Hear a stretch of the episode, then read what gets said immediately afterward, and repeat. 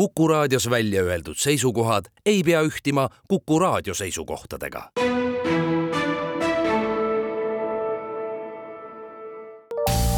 terviseks. saade valmib koostöös Ida-Tallinna Keskhaiglaga. vaata ka itk.ee tere, head Kuku kuulajad, eetris on saade Terviseks ja me räägime täna õendusabist ja selle patsientide saatusest pärast õendusabist lahkumist. mina olen Ingela Virkus ja koos minuga on stuudios Ida-Tallinna Keskhaigla õendus- ja hooldusabikliiniku direktor Eve-Karmo, tere! tere! enne kui me hakkame rääkima sellest, mis saab siis nendest patsientidest, kes õendus- ja hooldusabikliinikust ära lähevad, milline on nende patsientide seisund, kes parajasti siis õendus- ja hooldusabikliinikus on, et kes need patsiendid peamiselt on? hästi kurb on tõdeda, et võrreldes nüüd Covidi-eelse ajaga on meie tööspetsiifika väga suuresti muutunud, meie patsiendid on oluliselt raskemas seisukorras, kui nad olid enne Covidit ja siin põhipõhjus võib-olla ei ole ainult see Covidisse nakatumine, vaid ka see, et tõenäoliselt oli ligipääs eriarstiabile ja ka perearstidele tunduvalt kehvem ja, ja kolm aastat on pikk aeg, eriti eakate inimeste puhul, nii et tundub, et see on nagu üks, üks põhjus. ja teine asi on see, et ühelt poolt meditsiin on muutunud järjest võimsamaks, järjest rohkem suudavad tohtrid nii-öelda surma edasi lükata ja, ja päris, päris raskes seisus ja väga kõrges eas inimeste elus olemist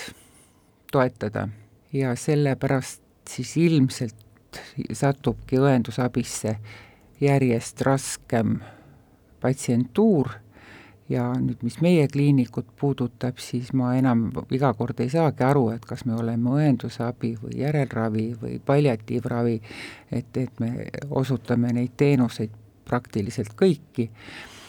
ja töötajatel on muidugi väga huvitav töötada, sest nad ei ole lihtsalt ainult haigepõetajad, nad toimetavad ikka väga aktiivselt meie patsientidega, aga noh, niisugusest rutiinsest plaanilisest tööst on meie asi küll väga, väga kaugel viimasel ajal.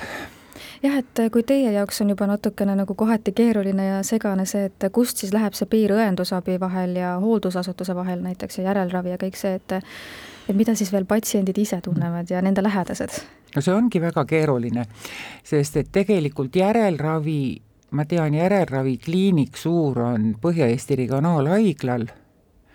äh, Ida-Tallinna Keskhaiglal on, on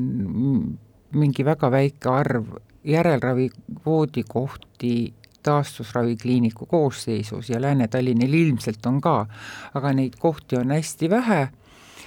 ja sellepärast ikka, ikka. Need patsiendid väga kiiresti jõuavad, jõuavad meile sinna Järve õendusabisse.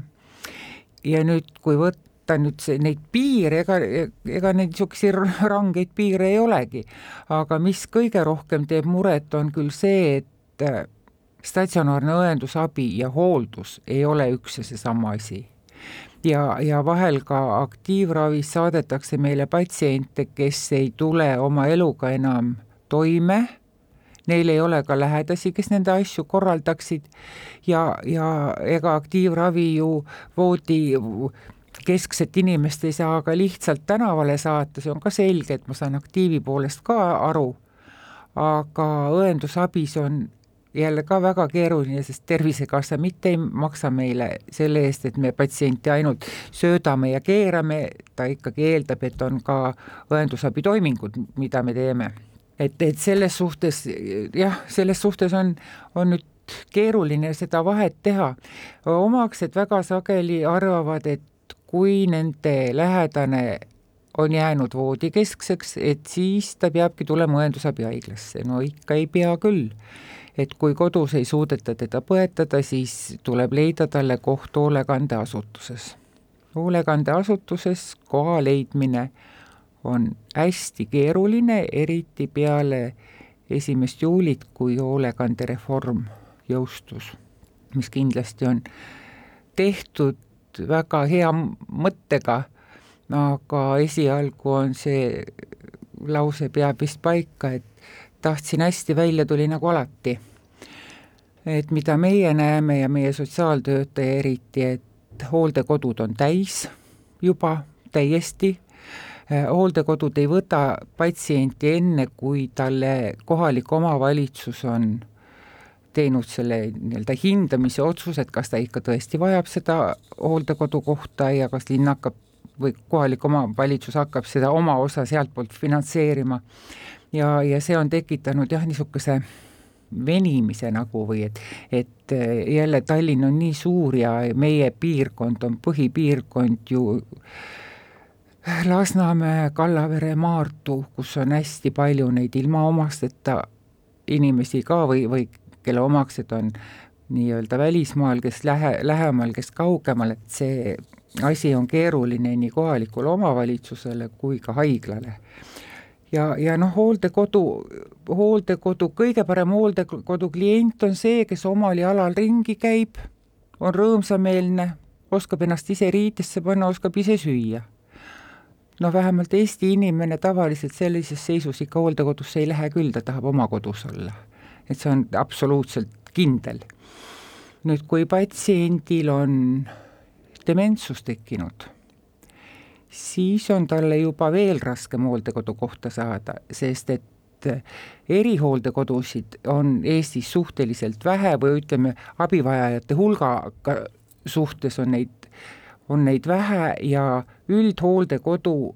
ei ole kohaldatud dementsusega patsientide või klientide eh, vastuvõtmiseks. ja, ja see on täiesti arusaadav, sest et, et nendel inimestel on vaja palju tõhusamat järelevalvet, nad ei saa olla nii-öelda vabapidamise peal, et, et noh, kunagi ei tea, mis mõte seal natuke kehvalt töötavas ajus tuleb, et kas ta läheb oma ema otsima või läheb oma last otsima või, või tahab lihtsalt kuskil ära minna, et, et, et ma saan nendest üldhooldekodudest selles mõttes küll aru, et, et nad ei taha võtta dementsuse sündroomiga patsiente. ja muidugi järgmine nii-öelda kategooria on, on voodihaiged, kes on näiteks peale insulti või, või, või mingit muud tõsist haigust jäänud voodikeskseks, tal ei ole vaja teha mingeid sidumisi, tal ei ole vaja anda ka eriti ravimeid, aga ta lihtsalt ongi keerata, pöörata, sööta ja mähkida. insuldijärgne, see on siis äh, see patsient, kelle õige koht nii-öelda on õendus-hooldusabikliinikus või siis ei ole. hooldusasutuses? vaata, insuldijärgse koht on õendusabikliinikus peale seda värsket insulti mm., kui ta, kui on veel lootus, et ta toibub. sest et ka see halvatuselaadne olek võib üle minna, mõni, mõni inimene hakkab ka, ka uuesti rääkima, afhaasia kaob, aga see nõuab mingisugust niisugust ajaakent, et, et näha, kas on progressi. Ja kui seda progressi ei ole, noh, siis on ta koht hooldekodus, sest et, või kodus, sest et sellisel juhul me ei saaks uusi patsiente võtta kohe üldse, kui nemad kõik jääksid õendusabisse. ja seda ongi omastel väga raske mõista, et kuidas, ta on ju voodis, noh, mis ma temaga kodus teen? Ja ütlen, et ongi väga raske ja kodus ongi väga raske, kui perekond käib tööl või on lapsed vaja koolitada või et see ei ole sugugi omaste hoolimatus, kui nad ei, ei suuda kodus seda, seda haiget hooldada, aga noh, nii ta sagedasti kipub olema ja nüüd, mis seda finantspoolt puudutab, siis praegu õendusabi on ikkagi veel oma viieteistprotsendilise omaosalusega veidi odavam kui hooldekodu, sest see hoolekandereform pakub küll tuge peredele, aga väga ebaühtlaselt erinevate maakondade lõikes ja Tallinnas on see toetus, ütleme linnapoolne toetus kõige suurem, see on kuskil üle seitsmesaja euro see peaks katma hooldekodus siis hooldustöötajate palgakoolitused ja, ja puhkused. aga mis puudutab toitu, igasuguseid huvitegevusi, koristamist ja niisugust olmelist poolt, et selle peab ikkagi tulema kas patsiendi pensionist ja, ja omastaabiga ja kui patsient on veel voodisse jäänud, siis tema see nii-öelda päevatasu on veel suurem kui sellel tublil patsiendil, kes ise liigub, nii et, et, et see, et nüüd pensioni eest saab hooldekodus olla, niisugune õnn on ainult väga vähestel, vähestel seda, seda teenust vajavatel inimestel. Kui tulla tagasi nüüd õendus- ja hooldusabikliiniku juurde, siis mis seisus ikkagi need patsiendid teie kliinikus on, et milline on nende selline vaimne olek ja kas nad suudavad kõndida näiteks või, või äh, milline see kõige klassikalisem äh, patsient äh, on õendus- ja hooldusabikliinikus?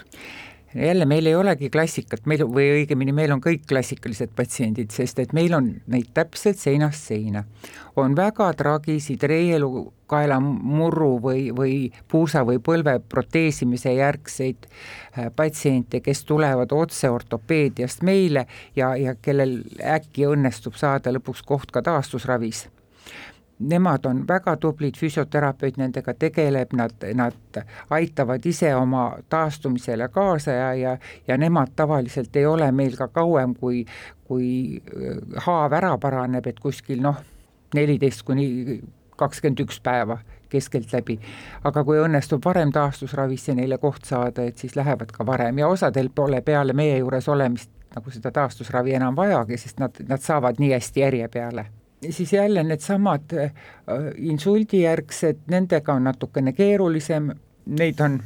ka üks osa neist, kes ootab taastusravi kohta, teine osa on, kellel lootust eriti ei ole. ja, ja see, kui kaua inimene elab, see on ka väga ettearvamatu, sest et vahel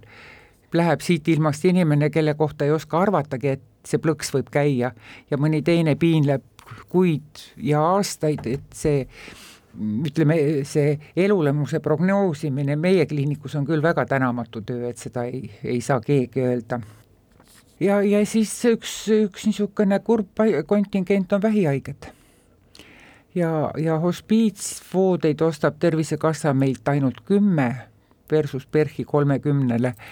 aga selliseid inimesi, kes hospiitsteenust vajaksid, oleks meil palju rohkem kui see leping meil võimaldab. Ja... mis see tähendab, et kas siis äh, on mõeldud konkreetselt kümme haiglavoodi kohta äh, teie kliinikus äh, vähipatsientidele, et ja see on ka kõik siis ei, see ei ole mitte vähipatsientidele, see on hospiitspatsientidele, need, kellel on aktiivravi lõpetatud ja kelle prognoositav e-, elulemus ei ole üle kuue kuu, et, et need on ikkagi väga seal finaalis olevad patsiendid ja hospiitsteenus on selles mõttes Tervisekassa poolt hästi finantseeritud, et hospiitsi patsientidel ei ole seda viieteistprotsendilist omaosalust, mis on õendusabi patsientidel. aga mitte kõik vähihaiged ei ole sugugi hospiitsi nii-öelda kõlbulikud või seal on väga korralik ja põhjalik hindamissüsteem, millega siis sinna hospiitsi patsienti hinnatakse. ja, ja hospiitsi võivad sattuda ka teiste haigustega inimesed, kui see elu, elu lõppvaatus on kätte jõudnud.